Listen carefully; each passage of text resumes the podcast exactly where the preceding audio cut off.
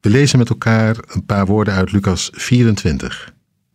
Jezus heeft zojuist de ontmoeting gehad met die twee mannen die naar Emmaus gingen. Hij heeft met hen de maaltijd gehouden en zij hebben hem herkend. En nu, nu zijn ze zo ondersteboven dat ze, terwijl het al avond is, toch opnieuw de reis terug ondernemen naar Jeruzalem. Dit moet iedereen weten. Het is geen illusie, geen kletspraat. Hij leeft, werkelijk. We lezen ervan in Lucas 24. Daarop zeiden ze tegen elkaar: Brandde ons hart niet toen hij onderweg met ons sprak en de schriften voor ons ontsloot?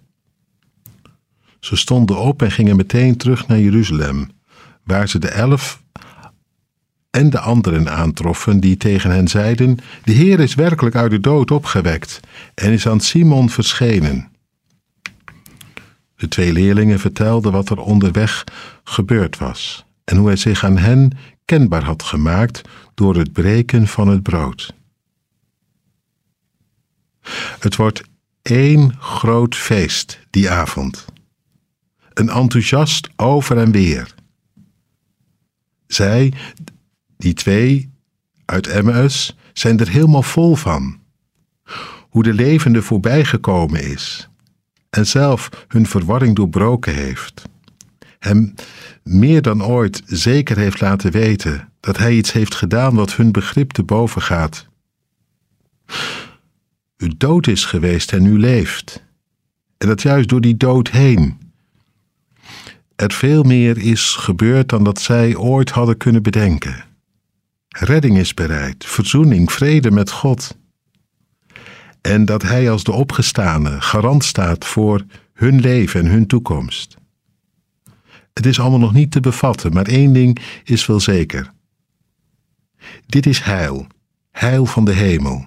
Hier komen alle beloften bij elkaar. En vol enthousiasme gaan ze terug.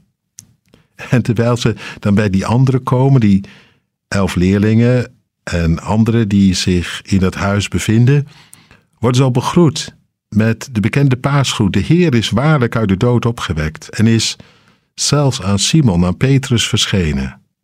Ook die heeft hij niet laten vallen, nu hij het heeft gered voor ons allen. Prachtig. Ze herkennen elkaar. Brandende harten. Over en weer die elkaar alleen nog maar meer aansteken. Een vuur luidt op, een vuur van liefde en lof. Hoor maar, de twee leerlingen uit Emmaus vertelden wat er onderweg was gebeurd. Ze verhalen het aan elkaar. Ze raken niet meer uitgepraat. Hoe hij zich kenbaar had gemaakt door het breken van het brood en de anderen zitten met open mond te luisteren en stemmen alleen maar in.